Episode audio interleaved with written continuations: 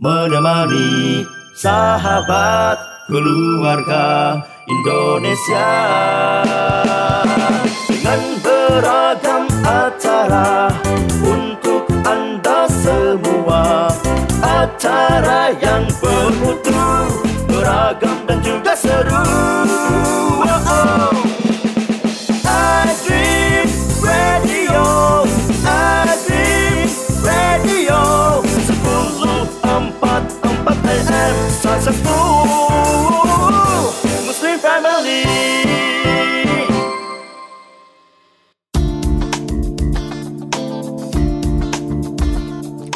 Sahabat iDream, sesaat lagi Anda akan mendengarkan Inspirasi Keluarga. Inspirasi Keluarga. Hanya di 1044 AM iDream Radio, Successful Muslim Family.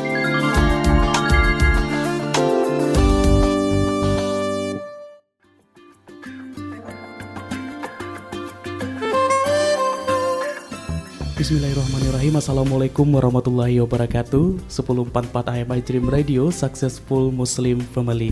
Apa kabar di hari ini sahabat iDream Semoga dalam keadaan sehat la- selalu.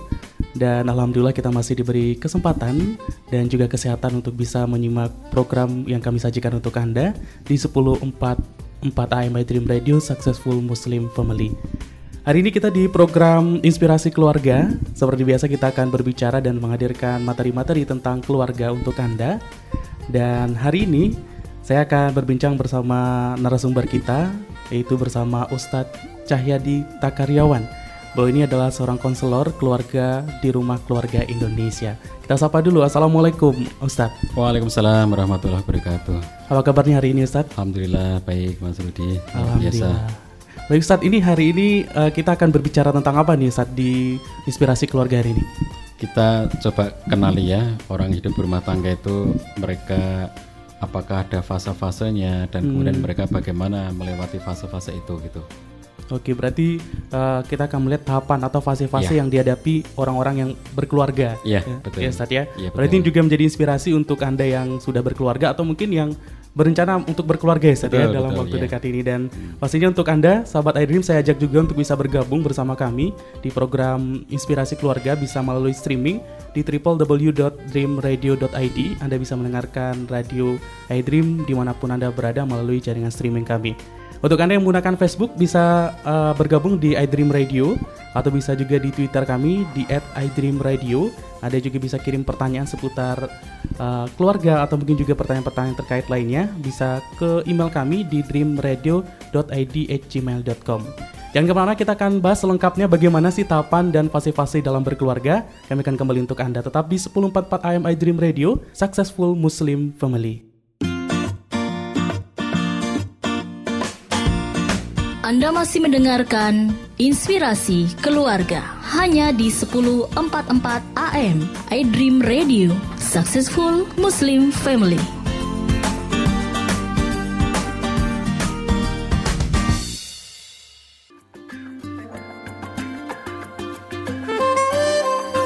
Sepuluh AM iDream Radio Successful Muslim Family. Terima kasih untuk Anda sahabat iDream masih bersama kami di 1044 AM dan masih di program Inspirasi Keluarga. Nah hari ini kita bersama Ustadz Cahyadi Takaryawan Tadi sudah dijelaskan oleh Ustadz bahwa hari ini kita akan berbicara tentang tahapan ataupun juga fase-fase ini yang dihadapi dalam berkeluarga Mungkin uh, setiap orang yang berkeluarga ingin mendapatkan keluarga yang sakinah, mawadah, dan warahmah atau keluarga yang bahagia. Nah, pastinya untuk mencapai itu ada hal ataupun ada yang perlu dilalui. Nah, Ustadz uh, Cahyadi, ini apa nih sebenarnya Ustadz yang uh, fase apa sih sebenarnya yang harus dilewati dulu nih untuk bisa mencapai sakinah, mawadah, warahmah itu? Ya sahabat iDream di mana pun anda berada, kalau dalam ilmu konseling dan dalam ilmu psikologi itu ada yang saya sebut sebagai ilmu fenomena, yaitu mempelajari fenomena orang hidup berumah tangga dalam rentang waktu yang panjang. Nah dari pembelajaran itu, bagaimana orang hidup berumah tangga itu dianalisa, dipelajari, dilihat kondisinya, lalu kemudian banyak menimbulkan teori tentang tahap-tahap hidup berumah tangga. Salah satunya saya mengambil teori dari Dawn Liptroff tentang lima tahap hidup berumah tangga. Ini cara kita untuk mempelajari bahwa orang hidup berumah tangga itu sebetulnya ada bagian-bagian yang scientific, bagian-bagian yang akademis gitu, yang bisa dipelajari, yang bisa dilihat dari gejala-gejala, fenomena-fenomena untuk kemudian kita bisa mengetahui di level mana, di tahap mana, di fase mana hidup berumah tangga kita. Itu bagi yang sudah berumah tangga. Bagi yang belum berumah tangga, itu kalau mengenali dari awal akan mengetahui bahwa kelak kalau akan hidup berumah tangga itu akan menghadapi fase-fase seperti apa. Nah, karena namanya ilmu fenomena, maka ini tidak sama seperti ilmu matematika, tidak sama seperti ilmu pasti. Yang kalau matematika itu 4 kali 4 sama dengan 16 itu sampai kapan pun begitu. Tapi namanya ilmu fenomena, maka ini ada berbagai macam rentang variasi dari satu keluarga dengan keluarga yang lainnya. Ada bentuk-bentuk yang mungkin tidak sama persis, durasi waktu setiap levelnya tidak sama persis. Kemudian seberapa dalam, seberapa intens pada setiap levelnya tidak sama persis gitu. Jadi itu namanya ilmu fenomena. Tetapi ini adalah bagian yang bisa kita ambil pelajarannya bagaimana kemudian orang hidup berumah tangga itu melewati fase-fasenya. Nah, secara umum hidup berumah tangga itu akan melewati lima fase. Yang pertama disebut sebagai fase romantic love. Fase romantic love itu adalah fase cinta romantis yang kalau dalam bahasa Indonesianya orang suka menyebut sebagai fase bulan madu. nah, jadi bulan madu itu benar ada ya, secara akademik juga bisa dibuktikan bahwa memang ada bulan madu itu. Mungkin sebagian sahabat iDream ada yang mengatakan ah itu cuma mitos atau ah itu cuma khayalan orang gitu. Tetapi itu akademis, itu bisa dipelajari bahwa sebetulnya bulan madu itu ada gitu ada ciri yang sangat menonjol pada fase romantic love itu mereka yang kemudian mengawali hidup berumah tangga mereka setelah menikah kemudian mendapatkan sebuah suasana kegembiraan yang luar biasa sebuah suasana yang sangat romantis, sebuah suasana yang sangat indah, sebuah suasana yang sangat menyenangkan. Suami dan istri itu demikian kuat kebersamaannya ya, ingin selalu bersama-sama, ke mana-mana selalu bersama. Kemudian mereka mendapatkan suasana yang selalu bahagia gitu ya, makan bareng, tidur bareng, mandi bareng. Kemudian mereka ke mana-mana selalu menunjukkan kemesraan gitu. Itulah romantic love. Nah ini eh, sesuatu yang kemudian nyata adanya pada sebagian besar kalangan, pada sebagian besar pengantin baru. Tentu ada juga pengantin baru yang tidak mengalami seperti itu karena nanti ada faktor-faktor khusus yang menyebabkan mengapa ada yang tidak muncul seperti itu ya. Tapi itu pengecualian. Secara umum pengantin baru akan mengalami fase yang disebut dengan romantic love. Nah, eh, fase ini itu sayangnya tidak bertahan lama karena ini ada batas masanya, ada expired date-nya, ada kadaluarsanya gitu. Jadi dalam eh, sepanjang sejarah hidup orang berumah tangga itu ya bisa dikatakan tidak ada orang itu yang Bulan madu melewati terus ya? bulan madu terus gitu tidak ada. Makanya kalau dikatakan bulan itu saya kira ada benarnya karena memang untuk menunjukkan bahwa itu bisa dihitung gitu ya. Waktunya tentu bukan hitungan bulan, Hmm. Eh, hitungannya bisa tahun, tetapi itu untuk menunjukkan bahwa sesuatu yang berbilang gitu ya, makanya disebut sebagai bulan karena tidak seluruhnya kan seperti itu. Kalau ada orang mengatakan kita ingin berbulan madu selamanya, itu namanya keinginan gitu ya, itu namanya proposal gitu. Tetapi realitasnya adalah bahwa orang itu tidak akan berada dalam bulan madu selamanya. Nah, berapa lama fase romantic love itu dilalui? Studi psikologi menunjukkan bahwa romantic love itu rata-rata akan dilewati orang kisarannya antara 3 sampai 5 tahun saja. Ada yang kurang dari tiga tahun, ada yang lebih dari lima tahun. Ini adalah rata-ratanya ya, 3 sampai 5 tahun saja. Nah, fenomena eh, bulan madu yang waktunya terbatas itu nanti akan kelihatan di awal itu demikian kuat fase romantic love-nya. Nanti begitu mulai tahun ketiga, gejala-gejala itu sudah mulai berkurang, gejala-gejala itu sudah mulai meredup. Bahkan kemudian nanti pada tahun kelima itu bisa hilang sempurna. Suasana romantic love itu hilang dan kemudian akan masuk ke fase yang kedua. Fase yang kedua itu disebut sebagai fase distress atau tahap distress atau disappointment yaitu satu suasana di mana suami dan istri itu mulai saling kecewa, mulai saling tidak nyaman, mulai merasa bahwa dirinya itu bahkan ada yang merasa tertipu gitu ya. Kamu dulu menipu aku gitu, kamu dulu merayu aku dan kemudian sampai aku tertipu oleh kamu misalnya begitu. Bahkan ada yang kemudian pada contoh-contoh kasus tertentu itu mengadukan pasangannya itu ke polisi misalnya karena dengan tuduhan bahwa dia telah menipu dengan guna-guna dan seterusnya begitu. Jadi kalaupun tidak sampai level itu tetapi ada masa kekecewaan. Suami dan Oke. istri ketika kemudian mereka sudah selesai atau sudah menikmati masa bulan madunya itu, mereka hidup beberapa waktu bersama sekitar 3 5 tahun gitu. Lalu kemudian mereka mulai mengerti ada yang kurang pada pasangannya, ada yang mengecewakan dari pasangannya, ada yang tidak sesuai dengan harapan. Mereka mulai me- melihat situasi yang apa adanya pada pasangan itu. Saya sering mengatakan kalau fase romantic love itu suami dan istri karena gembira, karena happy, mereka itu berada kayak di suasana yang sangat indah, eh, kayak di atas awan gitu ya. Oke. Kayak kita naik pesawat ngelihat bawah yang sangat indah banget gitu. Jadi melihat suasana yang demikian indah di atas awan yang eh, tinggi dan ngelihat segalanya serba indah gitu.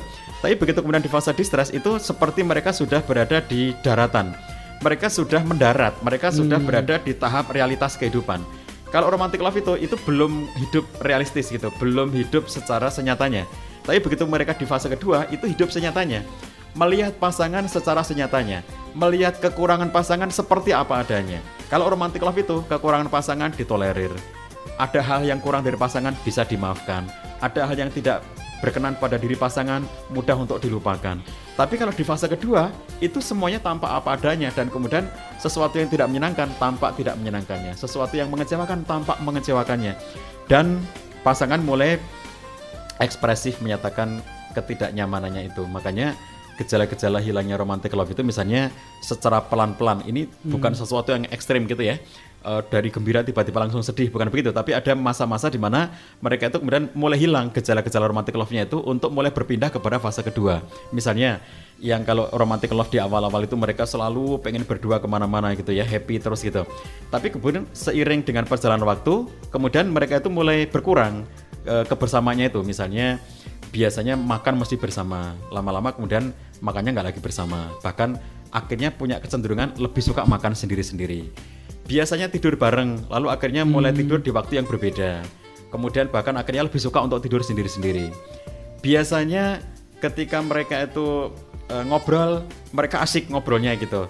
Tapi lama-lama mulai tahun ketiga mulai tahun kelima gitu mereka sudah tidak lagi betah mengobrol lama-lama bahkan lama-lama akhirnya kemudian mereka saling mendiamkan karena kecewa dan begitulah fenomena romantic love itu hilang secara berangsur-angsur sampai nanti bisa hilang sempurna ketika mereka sudah di fase kedua.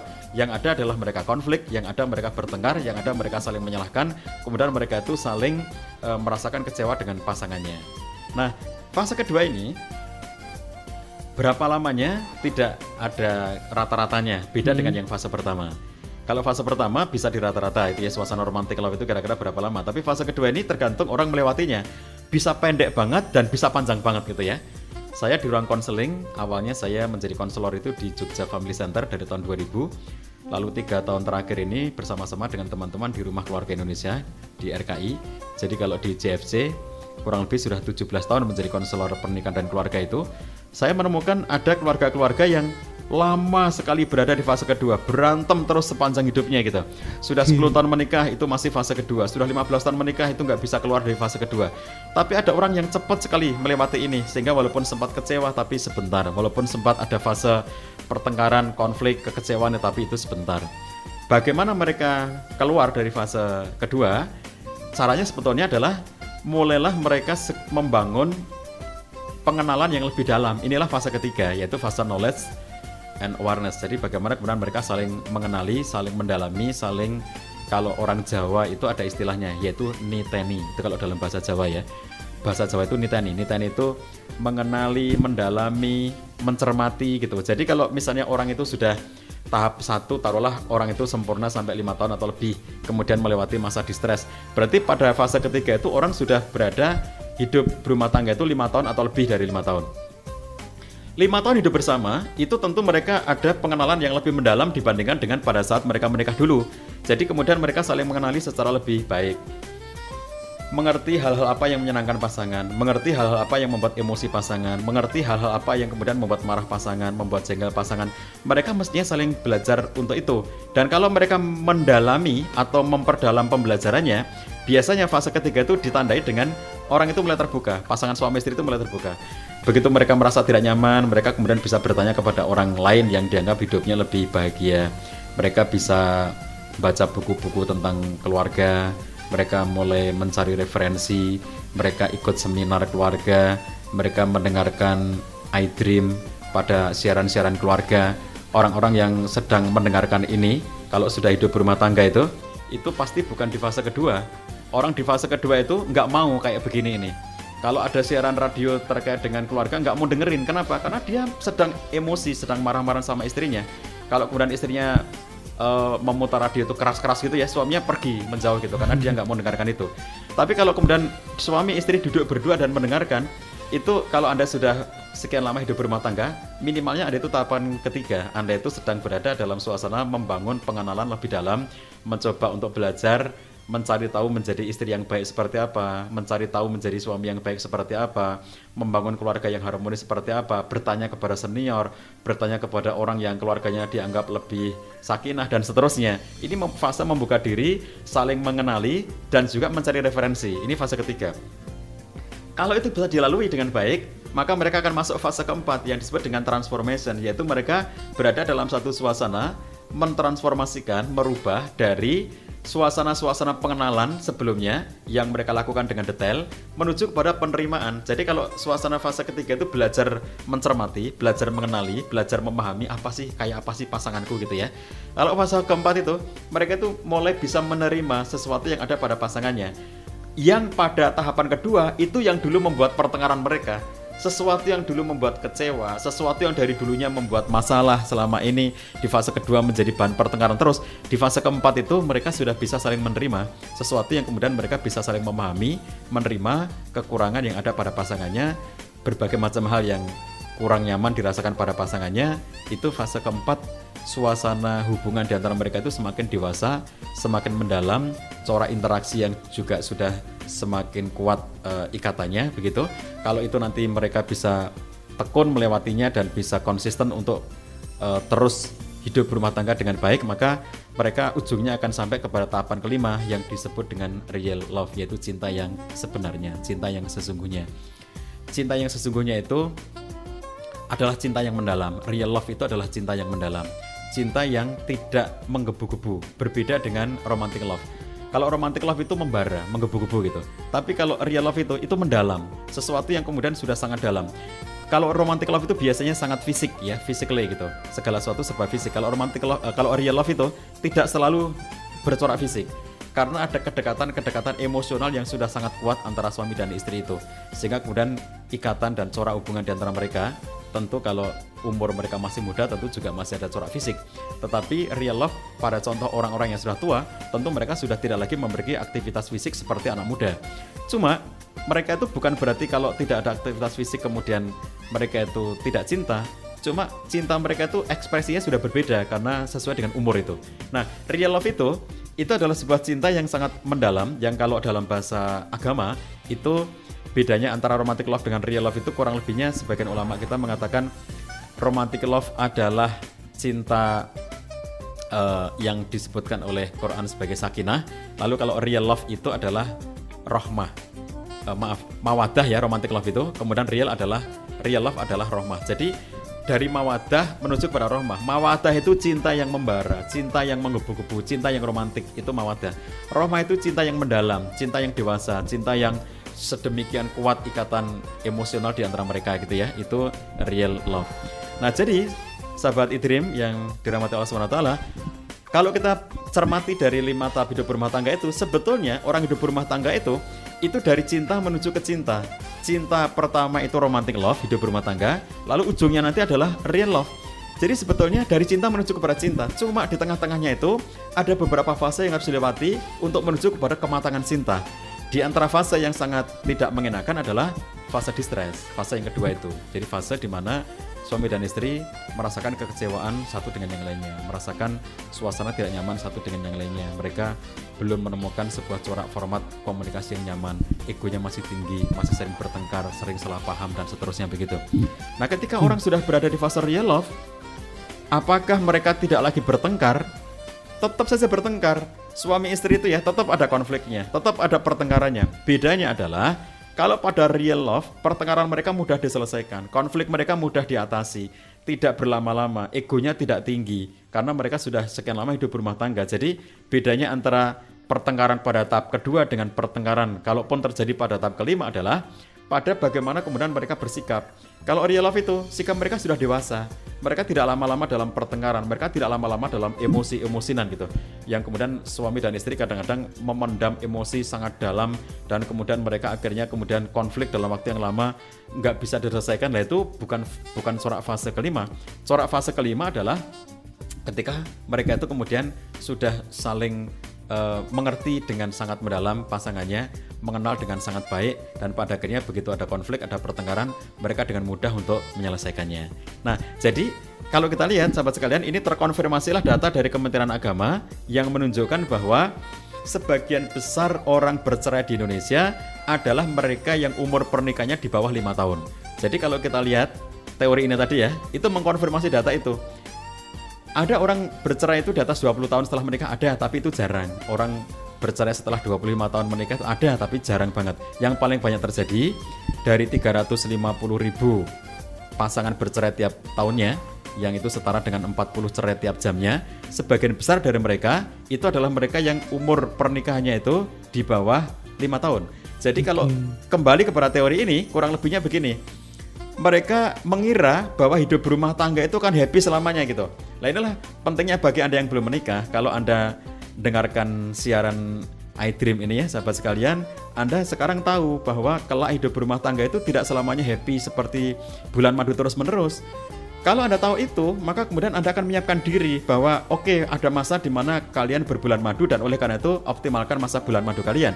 Tetapi kemudian ada masa di mana kalian nanti akan melewati fase kedua di mana itu harus disiapkan dengan sebaik-baiknya. Kalau kalian tahu dari awal, kalian bisa menyiapkannya. Misalnya, kalau misalnya ada orang naik motor itu ya, melewati jalan yang lurus, jalan yang datar, kemudian bagus jalannya.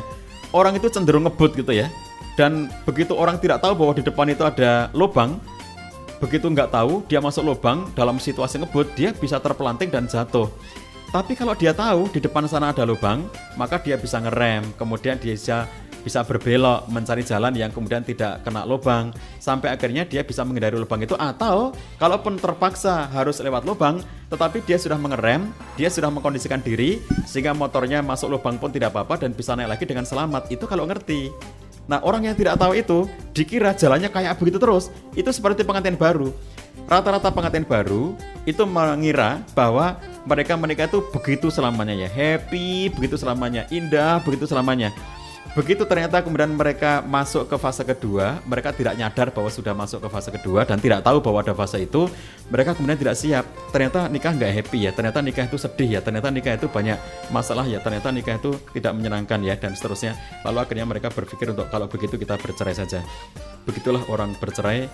Saya sering mengatakan bahwa mereka yang bercerai pada tahap kedua pernikahan mereka hanyalah orang yang tidak sabar melewati prosesnya andai mereka itu sabar melewati prosesnya, maka mereka akan tahu bahwa kelak mereka akan sampai juga pada tahapan yang kelima. Mereka akan kembali merasakan real love yang jauh lebih kuat daripada romantic love. Karena cintanya bukan saja di permukaan, tapi sudah sampai cinta yang sangat mendalam, sampai kakek, sampai nenek. Bahkan kalau kalau contoh dari Nabi Muhammad SAW bersama dengan istri beliau Khadijah, maka cinta Rasulullah kepada Khadijah itu bukan saja real love tetapi adalah everlasting love di mana sampai Khadijah wafat Nabi tetap mencintainya. Cintanya Nabi SAW kepada Khadijah itu bukan kayak kata orang-orang sehidup semati. Kalau cuma sehidup semati berarti setelah mati selesai gitu. Tapi Khadijah itu dicintai Nabi sampai pun bahwa Khadijah sudah wafat tetap saja dicintai oleh Nabi SAW, tetap disebut-sebut namanya sampai menimbulkan kecemburuan pada diri Aisyah. Kata Aisyah, aku cemburu pada orang yang sudah mati karena setiap saat Nabi SAW sering menyebut nama Khadijah. Ini menandakan itulah kayak cinta yang memang sudah demikian kuat bukan saja cinta anak muda seperti romantic love itu ya, tetapi cinta yang bisa dinikmati sampai seterusnya sampai bagi orang-orang yang bertakwa itu sehidup sesurga, bukan saja sehidup semati, tapi sehidup sesurga. Okay. Inilah yang dicontohkan oleh Nabi Sallallahu Alaihi Wasallam. Oke, okay, baik, menarik sekali nih Ustadz bahwa tadi ada beberapa fase yang dilalui oleh setiap orang yang berkeluarga. Mungkin sahabat iDream di rumah mungkin bisa mengira-ngira sekarang Anda berada di fase mana nih sebenarnya? Dan mungkin nanti kita akan bahas lagi bersama Ustadz uh, seperti apa, mungkin bagaimana menghadapi setiap fase-fase tersebut. Jangan ke mana-mana, pastikan Anda masih bersama kami di 1044 I-Dream Radio, Successful Muslim Family.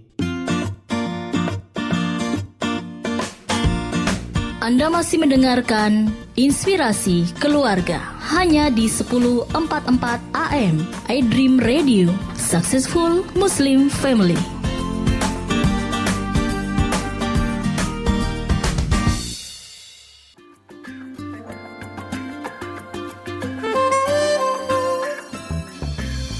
Sepuluh empat empat AM My Dream Radio Successful Muslim Family. Kita masih di inspirasi keluarga dan pastinya masih bersama Ustadz Cahyadi Takaryawan. Tadi kita sudah mendapatkan penjelasannya di sesi pertama bahwa setiap uh, keluarga itu pasti akan melewati uh, fase-fase ada lima fase tadi yang disebutkan oleh Ustadz Cahyadi. Ini benar ya Ustadz ya bahwa setiap yang berkeluarga pasti akan melewati fase itu ya Ustadz ya? Ya ini tadi seperti saya sampaikan di depan ini adalah ilmu fenomena ya. Jadi ada yang melewati lengkap lima-limanya, ada juga yang tidak. Kenapa tidak? Misalnya baru fase kedua sudah bercerai, lah berarti kan nggak lengkap semuanya gitu ya. Oke. Jadi ini eh, sesuatu yang kemudian rata-rata orang mengalaminya gitu. Oke, nah mungkin eh, ketika seseorang melewati masing-masing fase itu, Ustadz, apa nih yang harus mereka lakukan? Bagaimana menghadapi setiap fase-fase tersebut? Oke, jadi sahabat sekalian, kalau eh, bagi Anda yang belum berumah tangga, ini menjadi ilmu bagi Anda untuk kemudian nantinya akan bisa menghadapi dengan baik pada setiap fasenya itu. Sementara bagi Anda yang sudah berumah tangga, maka Anda bisa mencoba untuk mengenali sekarang itu sudah berada di fase keberapa. Kalau Anda mengenali dengan detail corak interaksi Anda dengan pasangan, tentu Anda akan bisa melihat sekarang itu cenderung di fase keberapa dan kemudian bagaimana harus melewatinya. Saya akan mulai dari awal terutama eh, bagi Anda yang melewati ini dari awalnya ya, bagi yang sekarang lagi pengantin baru atau bagi yang belum berumah tangga nantinya akan melewati seperti apa. Sahabat sekalian, pada tahapan yang pertama itu yang harus Anda lakukan adalah dan ini menjadi rekomendasi pertama adalah Anda harus seoptimal mungkin memanfaatkan waktu romantic love karena itu terbatas. Jadi ini yang harus Anda optimalkan. Anda kalau sudah menikah, kalau sahabat muslim semuanya tentu mengetahui bahwa kalau belum menikah itu ada batasan, hal-hal yang tidak dibolehkan. Kalaupun Anda senang dengan seseorang yang akan menjadi pasangan hidup Anda tetapi belum halal, lalu kemudian menjadi halal setelah menikah. Nah, setelah menikah itu semua boleh Anda lakukan, berbagai macam kesenangan boleh Anda lakukan. Tetapi masa kesenangan dalam bentuk romantic love itu masanya tidak panjang. Oleh karena itu, seoptimal mungkin Anda manfaatkan waktu yang tidak terlalu lama itu ya karena kisaran waktunya kira-kira antara 3 sampai 5 tahun saja. Maka pada fase-fase ini pada tahun pertama sampai atau sejak awal menikah sampai dengan semaksimal mungkin Anda bisa mempertahankan romantic love itu, optimalkan masa itu untuk Anda bersama-sama dengan pasangan membangun berbagai macam hal yang sejak dari yang besar seperti visi, Anda membangun visi bersama pasangan itu di fase ini karena suasananya sedang nyaman. Anda sedang bersuasana happy, sehingga membangun visi, membangun mimpi bersama dengan pasangan itu sesuatu yang masih mudah Anda lakukan berbeda kalau Anda sudah di fase kedua. Anda bicara visi di fase kedua sudah nggak bisa karena sedang konflik gitu. Jadi pada fase pertama itu optimalkan itu, salah satunya adalah dengan bersama-sama membangun mimpi besar Anda, rumah tangga besok kita menjadi seperti apa, visi kita seperti apa, keluarga kita besok pengen seperti apa, anak-anak kita besok mau seperti apa. Itu sesuatu yang Anda bangun mimpi-mimpi indah itu bersama dengan pasangan pada saat Anda sedang happy-happynya di fase pertama itu. Juga cara mengoptimalkannya adalah dengan sebanyak mungkin Anda membuat momentum-momentum romantis bersama dengan pasangan. Jadi pengen melakukan apa gitu ya, hal-hal yang menyenangkan itu. Mumpung masih muda karena relatif kalau eh, ini terjadi pada pengantin baru berarti rata-rata adalah pasangan muda, Anda masih memiliki banyak kesempatan dan biasanya pengantin baru itu serba dimaklumi, serba dimengerti gitu ya bahwa mereka adalah pasangan yang sedang jatuh cinta satu dengan yang lainnya dan sedang bulan madu satu dengan yang lainnya sehingga kemudian suasana-suasana yang terjadi di antara mereka itu mudah dimaklumi. Misalnya mudah dimaklumi itu contohnya adalah ketika pasangan suami istri itu kemudian mereka eh, sering bepergian ke mana bepergian rekreasi bepergian keluar kota segala macam gitu ya. Bahkan kadang-kadang itu kemudian eh, harus meminta izin dari tempat kerja dan seterusnya. Itu masih mudah untuk dimaklumi dalam kultur kita di Indonesia karena eh, pengantin baru gitu. Sehingga itu optimalkan. Waktu-waktu itu bisa jadi tidak berulang. Masa romantic love itu sesuatu yang kemudian bisa jadi tidak akan berulang lagi dalam sepanjang hidup karena itu nanti akan berpindah ke bentuk-bentuk yang lain seperti kalaupun cinta namanya sudah menjadi real love maka di saat romantic love itu perbanyak momentum-momentum romantis bersama dengan pasangan. Mau ke mana? Itu direncanakan gitu ya. Mau melakukan apa? Itu direncanakan. Kemudian dilaksanakan bersama dengan pasangan. Itu contoh untuk mengoptimalkan fase-fase itu. Termasuk saya sering menyarankan agar pasangan membuat apa yang sering saya sebut sebagai PDK. PDK itu adalah pintu darurat keluarga. Nanti insya Allah lain waktu ya akan saya sampaikan khusus masalah PDK itu. Tapi untuk kali ini saya cukup menyebutkan bahwa di antara cara Anda membuat PDK, pintu darurat keluarga itu justru pada saat Anda di fase pertama ini ketika sedang suasana romantic love, lagi suasana happy, lagi suasana senang, kemudian Anda berbicara dengan pasangan bagaimana sikap kita ketika nanti kita menghadapi situasi-situasi darurat. Itu direncanakan dan dirancang eh, situasinya itu ya ke mana eh, arah kita, bagaimana sikap kita ketika sedang berada dalam situasi darurat itu justru dilakukan pada saat kita di fase pertama, di saat kemudian suami dan istri itu sedang happy-happynya sehingga kemudian itu menjadi lebih mudah untuk dibicarakan. Berarti bisa dibilang fase ini tempat untuk merencanakan Betul. semua ke depannya ya, ya terutama ya? hal-hal yang besar-besar kayak visi gitu ya, cita-cita, mimpi gitu, keinginan-keinginan gitu. Ini sesuatu yang mudah diomongkan karena itu masih suasana yang happy gitu. Oke. Termasuk bicara pahitnya pun di sini tidak menjadi masalah. Misalnya kalau nanti suasana kita darurat, apa yang kita lakukan? Apa yang harus kita lakukan itu nanti yang disebut dengan menyusun pintu darurat keluarga, membuat pintu darurat keluarga. Tentang bagaimana caranya nanti sesi sendiri kita akan bicarakan. Oke, baik. Menarik sekali nih Ustadz bahwa tadi ada beberapa fase yang dilalui oleh setiap orang yang berkeluarga. Mungkin nanti kita akan bahas lagi bersama Ustadz uh, seperti apa, mungkin bagaimana menghadapi setiap fase-fase tersebut. Jangan ke mana-mana, pastikan Anda masih bersama kami di 1044 AMI Dream Radio, Successful Muslim Family.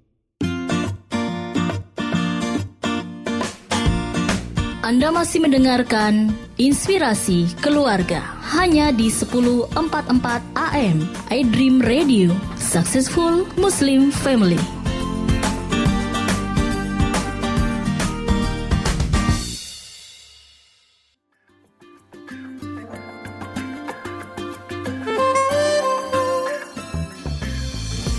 Sepuluh AM iDream Radio Successful Muslim Family. Terima kasih untuk Anda sahabat iDream masih bersama kami di 1044 AM dan masih di program Inspirasi Keluarga. Nah, hari ini kita bersama Ustadz Cahyadi Takarewan. Tadi sudah dijelaskan oleh Ustadz bahwa hari ini kita akan berbicara tentang tahapan ataupun juga fase-fase ini yang dihadapi dalam berkeluarga. Oke, nah ini fase pertama ini tadi Ustadz bilang bahwa ada waktu tertentu saat ada batasan waktunya. Iya, betul. Nah ini biasanya berapa sih batasan waktu paling lama ini Ustadz untuk orang bisa mempertahankan fase pertama?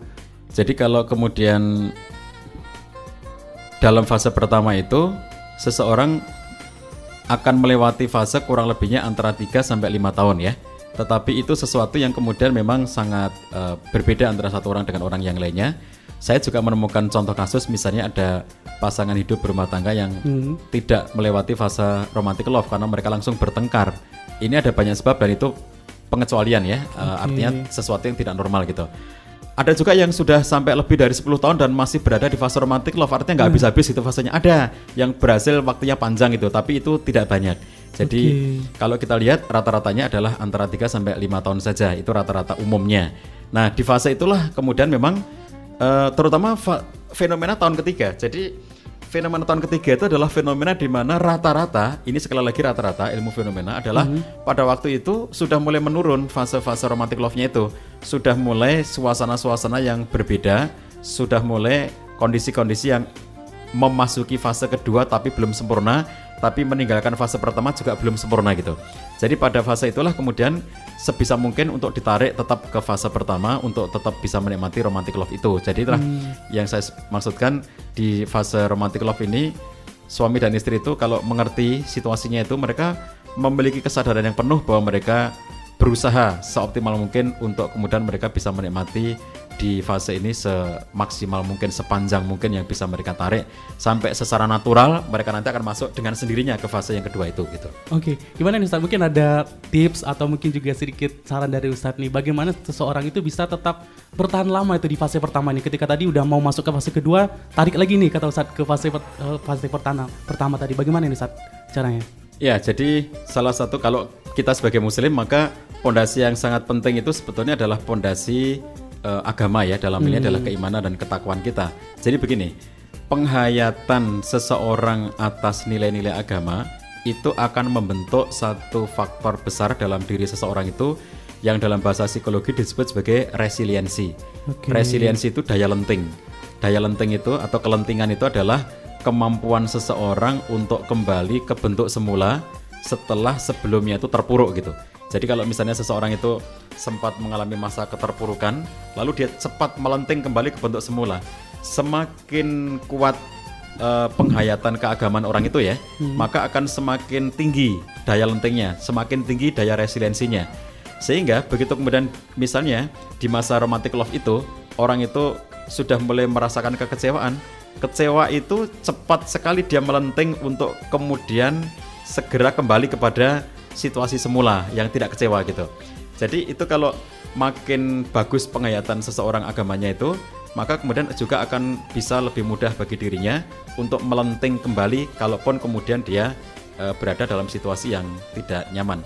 Tapi secara natural itu juga memang ada batasnya. Jadi pada akhirnya ketika pun kemudian orang hidup berumah tangga itu ya, tentu ada yang namanya fase kejenuhan, ada fase kerawanan, fase kerentanan di mana kemudian itu biasanya terjadi pada setelah selesai tahapan romantic love itu. Jadi yang kita bisa lakukan untuk memperpanjangnya salah satunya memang menguatkan pondasi spiritualnya dalam hidup berumah tangga itu.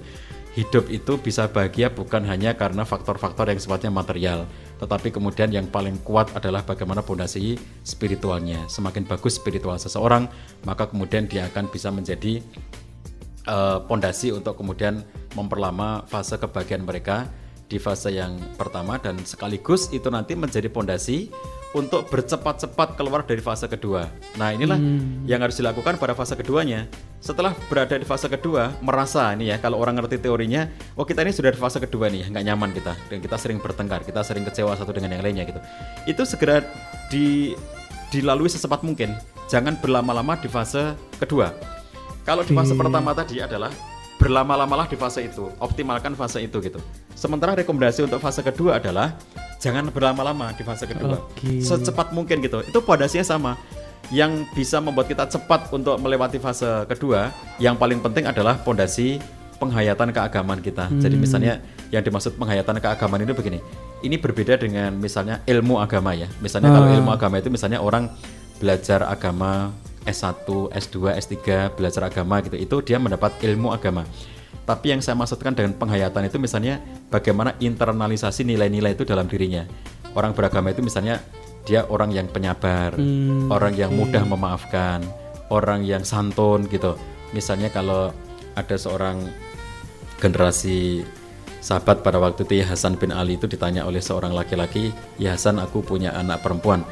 Lalu dengan siapakah aku akan menikahkan anak perempuanku itu?" Lalu Hasan bin Ali mengatakan, "E, nikahkanlah dengan laki-laki yang bertakwa. Karena kalau laki-laki itu mencintai istri kamu maka dia pasti akan menjaga eh, kalau laki-laki itu mencintai anak perempuanmu maka dia pasti akan menjaga anak perempuanmu dengan sebaik-baiknya. Tetapi kalau dia tidak mencintai anak perempuanmu maka dia tidak akan menyakitinya dan tidak akan menyanyiakannya. Eh, maka eh, istilahnya Hasan bin Ali tadi adalah nikahkan anakmu dengan laki-laki yang bertakwa. Takwa di situ lebih bermakna sebuah nilai penghayatan gitu ya. Jadi bukan saja ilmu pengetahuan orang yang tinggi ilmu pengetahuan agamanya, tetapi bagaimana penghayatan akan nilai-nilai agama dalam diri seseorang yang kemudian itu terinternalisasi dalam dirinya. Satu sisi itu akan memperpanjang fase romantic love dalam dirinya, tetapi sisi yang lainnya itu akan bisa mempercepat fase distressnya. Orang itu nggak usah lama-lama kecewanya gitu ya. Orang itu nggak usah lama-lama berantemnya, nggak usah lama-lama dia berada dalam situasi konfliknya di situ di fase kedua ini gitu. Nah jadi rekomendasi pada tahap kedua adalah jangan berlama-lama di situ. Caranya supaya jangan berlama-lama adalah kalau secara spiritual itu berarti adalah pondasi keagamaan tadi itu, tetapi ada cara teknis. Cara teknisnya adalah segera masuk ke fase ketiga karena ini bisa ditarik. Fase ketiga ini sesuatu yang bisa dipercepat. Kita tahu bahwa fase ketiga adalah fase pembelajaran.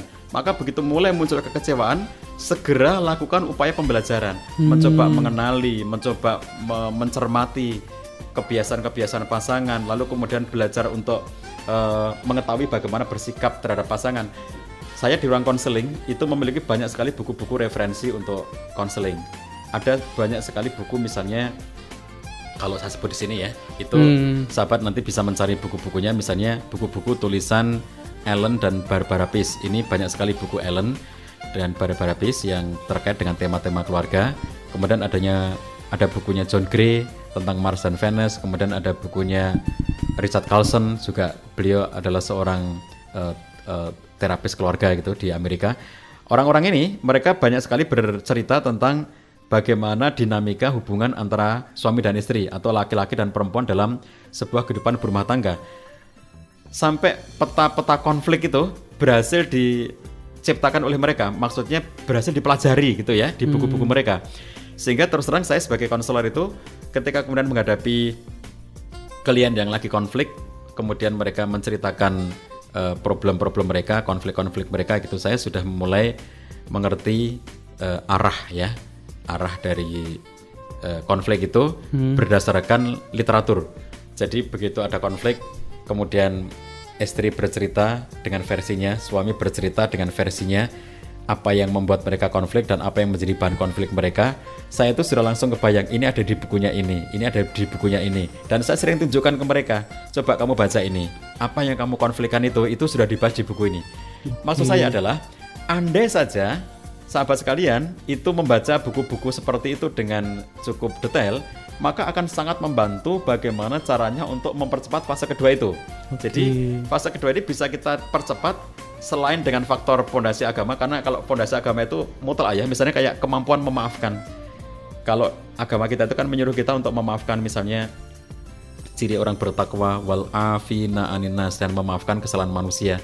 Di situ tidak ada keterangan dari Allah Subhanahu wa taala memaafkan kesalahan manusia apabila mereka meminta maaf kepadamu. Tidak ada begitu. Jadi nggak ada tambahan syarat memaafkan ya maafkan aja gitu. Jadi apalagi kepada pasangan sehingga kemampuan untuk memaafkan pasangan tanpa dia memintanya itu adalah penghayatan agama. Sesuatu yang muncul dari karena dia seorang yang bertakwa, karena dia seorang muslim yang baik, karena dia seorang yang religius gitu. Mudah memaafkan kesalahan orang lain. Ini kan pondasi. Tetapi secara teknis itu bisa ditarik suasana distress itu dipercepat dengan jalan menarik fase ketiga secepat mungkin yaitu dengan jalan ayo kita belajar cara belajarnya buka referensi Oke, baik. Kita break dulu Ustaz pembahasan kita kali ini dan untuk Anda sahabat iDream kita ajak kembali untuk bisa bergabung bersama kami melalui uh, Facebook atau juga melalui Twitter kami di iDream Radio. Atau untuk Anda yang memiliki pertanyaan seputar keluarga bisa langsung email ke dreamradio.id@gmail.com dan Anda bisa menyimak siaran kami di streaming di www.dreamradio.id. Kita akan kembali untuk Anda saat lagi di 1044 AM iDream Radio, Successful Muslim Family. Anda masih mendengarkan Inspirasi Keluarga hanya di 1044 AM iDream Radio Successful Muslim Family.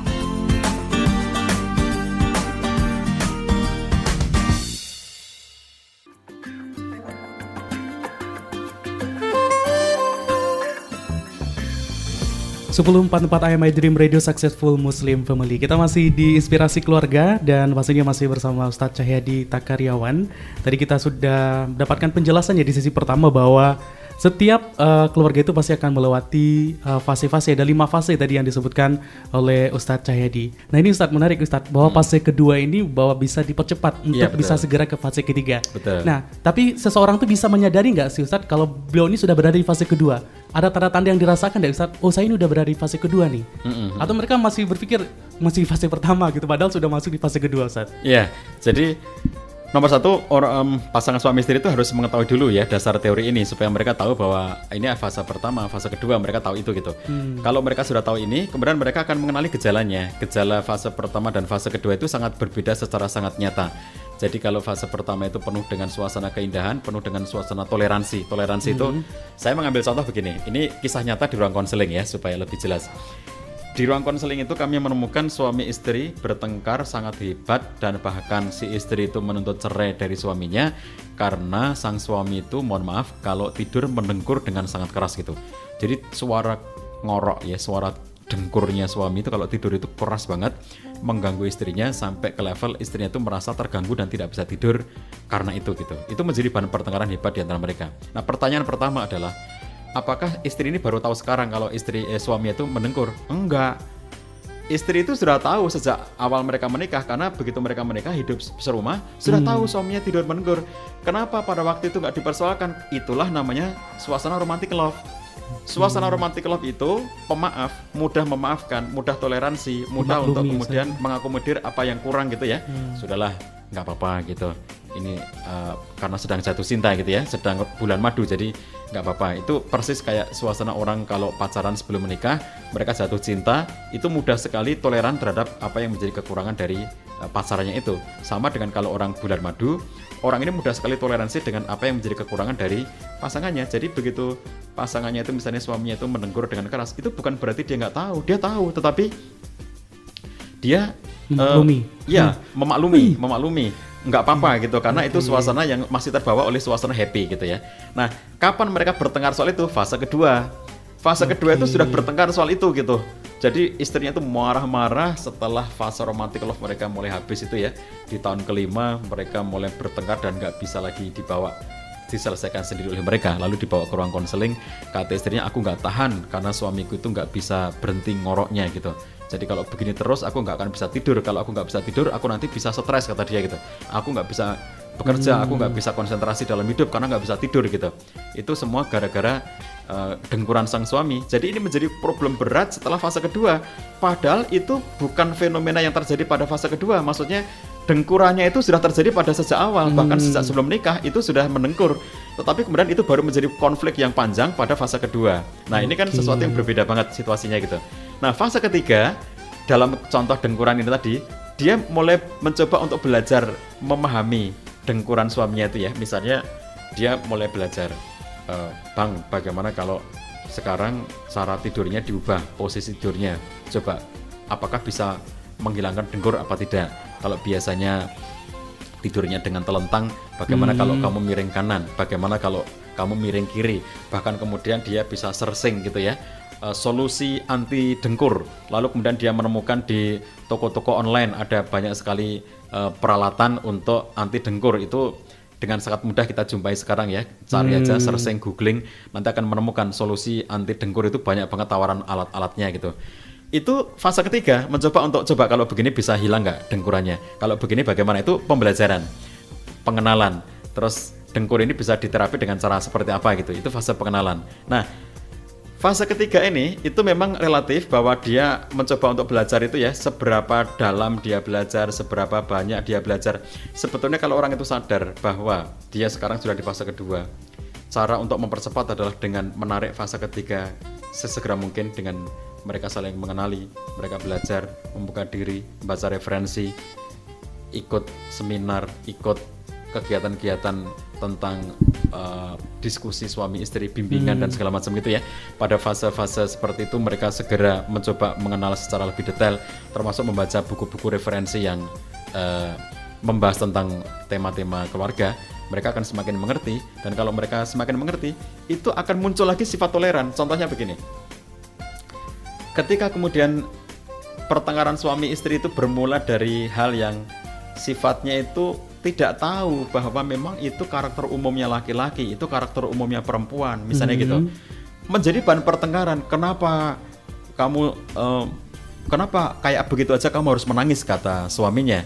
Kamu itu cengeng, sebentar-sebentar menangis. Suami ini tidak tahu bahwa sebetulnya menangis adalah salah satu bahasa komunikasinya kaum perempuan dan perempuannya juga eh, protes kepada suaminya. Kenapa sih kamu itu laki-laki nggak punya perasaan? Kenapa kamu mempersoalkan aku menangis? Itu menjadi bahan pertengkaran di antara mereka. Padahal sebetulnya apabila mereka mengetahui bahwa itulah karakter umum laki-laki, itulah karakter umum perempuan yang di- bisa dipelajari secara akademis. Ada banyak sekali buku-buku yang mempelajarinya, menyampaikannya, dan kita bisa belajar membaca dari buku-buku itu. Maka itu akan mempercepat fase ketiga. Pembelajaran itu dipercepat dengan kalau kita betul-betul mau belajar soal-soal seperti ini.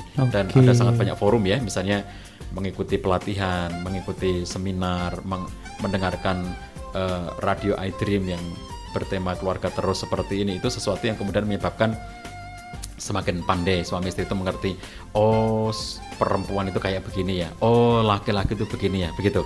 Nah kalau kemudian pengenalan itu semakin mendetail semakin mendalam maka kemudian akan sampai kepada penerimaan fase keempat transformation itu Oke. penerimaan Jadi penerimaan itu bentuknya adalah pada contoh kalau tadi konflik yang muncul akibat dari mendengkur itu ya, setelah mencoba belajar, mencoba bagaimana tidurnya diubah posisinya, lalu ada alat-alat untuk menghilangkan dengkurannya, ternyata kok tetap mendengkur gitu. Maka pada fase keempat itu Oke. orang itu akan bisa menerima, oh kayak apa pun tidurnya dia tetap mendengkur, kayak apa pun dia diberi solusi tetap saja ada suara dengkurannya. Nah, fase menerima inilah yang menjadi pondasi untuk nanti bisa masuk ke fase kelima yaitu fase real love. Orang kalau sudah menerima itu ya bisa dikatakan menerima segala kondisi pasangan. Dia sudah mengusahakan, misalnya kayak faktor yang menyebabkan konflik misalnya adalah ekonomi. Misalnya orang yang tidak mampu, suaminya tidak mampu mencukupi kebutuhan hidup berumah tangga. Itu konflik terjadi pada fase kedua. Fase pertama, walaupun sudah ketahuan tidak mampu, tapi masih happy suasananya. Jadi karena suasana happy, walaupun tidak mampu, tapi tetap happy karena suasana romantic love itu.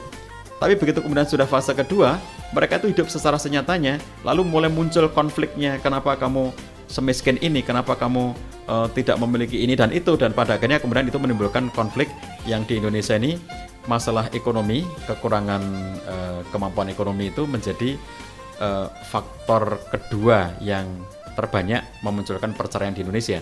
Jadi itu biasanya muncul pada konflik level kedua itu mulai mereka mulai mulai konflik soal misalnya ekonomi tadi. Kalau fase ketiga, dia kemudian mencoba mengenali apakah kita bisa menambah eh, kemampuan ekonomi kita. Coba mengusahakan ini, mengusahakan itu. Coba kemudian kita melakukan ini, melakukan itu untuk menambah kemampuan ekonomi kita. Dan ternyata begitu sudah dicoba, sudah berbagai macam cara ternyata tidak meningkat. Di fase keempatnya itu dia akan mengatakan sudahlah, aku harus menerima situasi kondisi pasanganku yang memang kemampuan ekonominya seperti ini. Itu namanya penerimaan. Seperti kalau orang mendengkur tadi sudahlah kayak apa pun yang aku lakukan ternyata dia tetap mendengkur aku harus berdamai dengan pasangan yang tidurnya mendengkur kalau seorang suami yang tidak tahan karena istrinya cerewet terus gitu lalu kemudian dia mempersoalkan dan menjadi bahan konflik karena istrinya selalu cerewet cerewet menjadi bahan konflik maka kemudian di fase ketika dia mencoba belajar, oh ternyata cerewetnya perempuan itu karena struktur otaknya. Dan struktur otak itu tidak didesain oleh dia sendiri, tetapi itu adalah given yang memang begitu struktur otaknya yang menyebabkan kaum perempuan itu memiliki kosakata yang sangat banyak. Sehari dia bisa mengeluarkan lebih dari 20.000 kosakata tiap harinya kaum perempuan itu. Laki-laki rata-rata hanya 7.000 kosakata tiap harinya, sepertiganya kaum perempuan.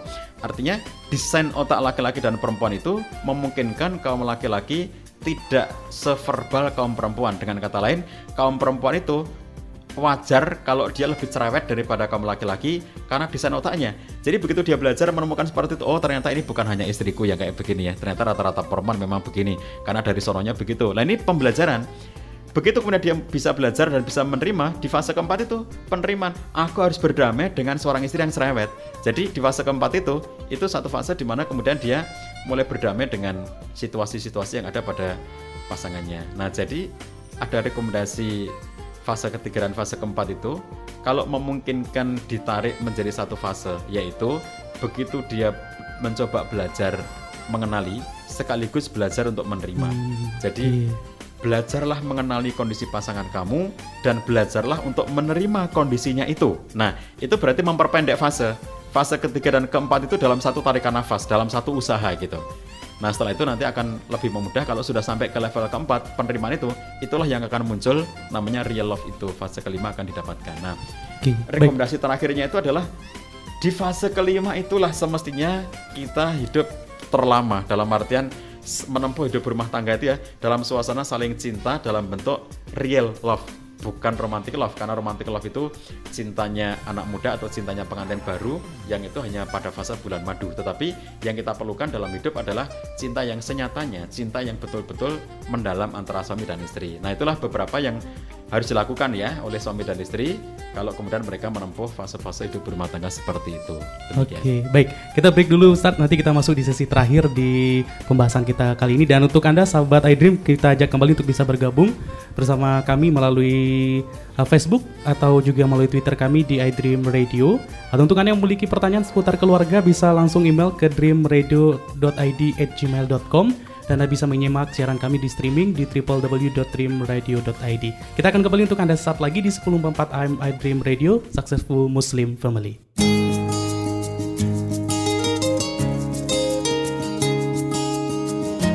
Sebelum 44 AM I Dream Radio Successful Muslim Family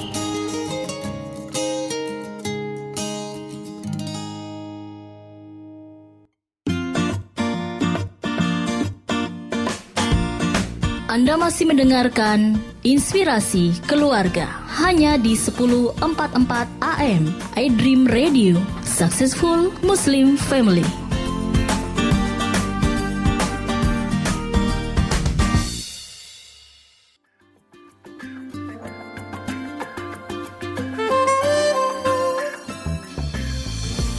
Sepuluh empat AM iDream Radio Successful Muslim Family. Sahabat iDream kita masih di Inspirasi Keluarga Dan pasti masih bersama narasumber kita ada Ustadz Cahyadi uh, Takariwan. Kita ber berbicara tadi bagaimana fase-fase dan juga tahapan-tahapan yang dilalui oleh uh, dalam berkeluarga.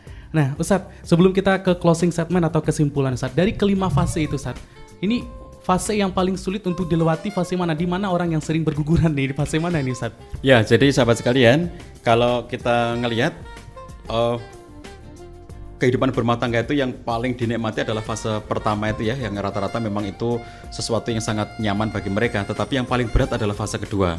Jadi fase kedua itu sepanjang sahabat sekalian bisa melewati dengan cepat, uh, itu akan menjadi satu aset untuk kemudian bisa berada dalam situasi yang nyaman hidup berumah tangganya. Hmm. Kalau fase pembelajaran, fase ketiga, fase keempat itu ya, itu satu proses yang wajar dalam hidup berumah tangga bahwa kita butuh mengenali satu dengan yang lainnya, kita butuh terus-menerus belajar gitu. Itu sesuatu yang kemudian sesuatu yang bisa dilewati uh, dalam konteks yang wajar gitu. Tetapi kalau fase kedua ini berlama-lama itu yang tidak wajar, itu yang memang berat banget dirasakan dari seluruh fase ini. Yang paling tidak nyaman dan paling berat adalah fase kedua. Maka kemampuan untuk bisa melewati fase kedua dengan cepat itu menjadi faktor yang sifatnya menjadi penentu dalam membangun kebahagiaan hidup berumah tangga berikutnya. Karena biasanya di fase itu orang tidak sabar lalu kemudian berpikir cepat untuk kita bercerai saja. Apalagi di zaman medsos ya. Sesuatu yang saya ingin garis bawahi sahabat sekalian di zaman medsos itu semakin memudahkan orang untuk mengambil keputusan bercerai disebabkan oleh karena kemudahan-kemudahan komunikasi dan interaksi dengan pihak yang lainnya. Jadi uh, seseorang merasa bahwa aku nggak happy dengan kamu, lalu ngapain aku harus bertahan dengan kamu? Sementara aku bisa saja mendapatkan kebahagiaan itu dari orang lain. Bahkan orang lain itu sudah menunggu aku gitu. Yang itu bisa mereka dapatkan melalui medsos, mereka bisa dapatkan melalui interaksi-interaksi di dunia maya. Sehingga ketika kita hidup di zaman cyber ini, hemat saya memang kita harus semakin bijak menggunakan cyber, menggunakan medsos, menggunakan sarana-sarana komunikasi dan interaksi di dunia maya itu untuk sesuatu yang sifatnya kebaikan saja. Jangan sampai itu menjadi sesuatu yang nantinya akan membuat kita menjadi malah menambah masalah dalam hidup rumah tangga gara-gara medsos. Nah, jadi di fase kedua itulah sahabat sekalian, karena itu menjadi fase yang berat dan fase yang kemudian tidak nyaman, hendaknya terutama bagi sahabat yang sekarang masih pengantin baru atau sahabat yang sekarang belum menikah, hendaknya sadar betul bahwa ketika kalian itu nanti berada di fase kedua, kalian harus cepat-cepat untuk melewatinya secara bersama-sama. Saya sering mengistilahkan hidup berumah tangga itu kayak naik roller coaster. Roller coaster itu ada fase-fase yang menegangkan. Nah, puncak ketegangan roller coaster itu itu di fase kedua. Di fase kedua itulah orang merasakan puncak ketegangan di roller coaster itu ya sangat menegangkan, sangat mengerikan gitu. Dengan intensitas yang tentu saja berbeda-beda. Ada orang yang melewati fase kedua itu dengan memang ada banyak sekali hal yang uh, menakutkan atau mengerikan gitu ya. Tetapi ada orang yang di fase kedua itu ternyata puncak konfliknya itu biasa-biasa aja. Ada konfliknya tapi nggak tidak dalam atau tidak tinggi atau tidak uh, sedemikian rumit gitu. Ada tetap konflik, ada tetap kekecewaan, tapi itu kemudian mudah untuk mereka selesaikan. Nah, jadi kalaupun melewati roller coaster yang sangat mengerikan dalam kehidupan pernikahan itu, itu bayangkan saja kalau sahabat naik roller coaster, apa yang harus sahabat lakukan ketika berada dalam suasana histeria ketegangan itu. Yang harus Anda lakukan adalah berpegangan semakin kencang. Jangan melompat, melemparkan diri dari roller coaster yang di puncak ketegangan itu. Itu sangat membahayakan. Jadi pada saat suami istri itu hidupnya kemudian berada dalam situasi yang menegangkan atau situasi konflik di roller coaster itu cepat-cepatlah untuk kemudian semakin kuat berpegangan antara suami dan istri itu ya. Jangan melepaskan pegangannya, semakin kuat berpegangnya. Kalau kemudian Anda mampu melewati situasi konflik di fase kedua itu dengan berpegangan, dengan kuat satu dengan yang lainnya, melewati dalam kebersamaan, sadar bahwa kita di fase kedua dan sadar harus cepat-cepat melewatinya, maka itu insya Allah akan menjadi satu pondasi modal besar bagi sahabat sekalian untuk cepat-cepat melewati fase konflik yang tidak menyenangkan itu. Nah kalau sudah berhasil, insya Allah fase berikutnya akan lebih mudah sahabat lalui sampai ke fase yang kelima itu. Demikian. Oke, baik menarik sekali Ustadz. Baik, eh, sahabat keluarga Indonesia itu tadi eh, pembahasan kita eh, bersama Ustadz Cahyadi Takaryawan yang memberikan materi di hari ini untuk keluarga iDream yaitu tentang fase dan juga tahapan-tahapan yang kita lalui dalam berkeluarga dan pastinya juga tadi sudah dikasih tipsnya dan juga bagaimana caranya untuk menghadapi setiap fase-fase tersebut. Baik, terima kasih Ustadz sudah bersama kita di hari ini Ustadz. Semoga apa yang disampaikan oleh Ustadz bisa bermanfaat dan juga menjadi inspirasi untuk uh, sahabat iDream di rumah. Baik sahabat keluarga Indonesia, terima kasih untuk Anda yang sudah bersama kami di 1044 AM iDream Radio, Successful Muslim Family, dan simak terus program Inspirasi Keluarga yang selalu memberikan inspirasi untuk Anda keluarga Indonesia. Saya Risa Putra pamit, mohon maaf jika ada salah kata. Subhanakallahumma wa bihamdika, asyhadu wa atubu ilaik. Wabillahi taufik wal hidayah. Wassalamualaikum warahmatullahi wabarakatuh.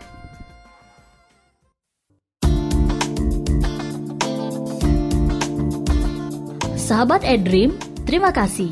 Anda telah mendengarkan Inspirasi Keluarga. Inspirasi Keluarga.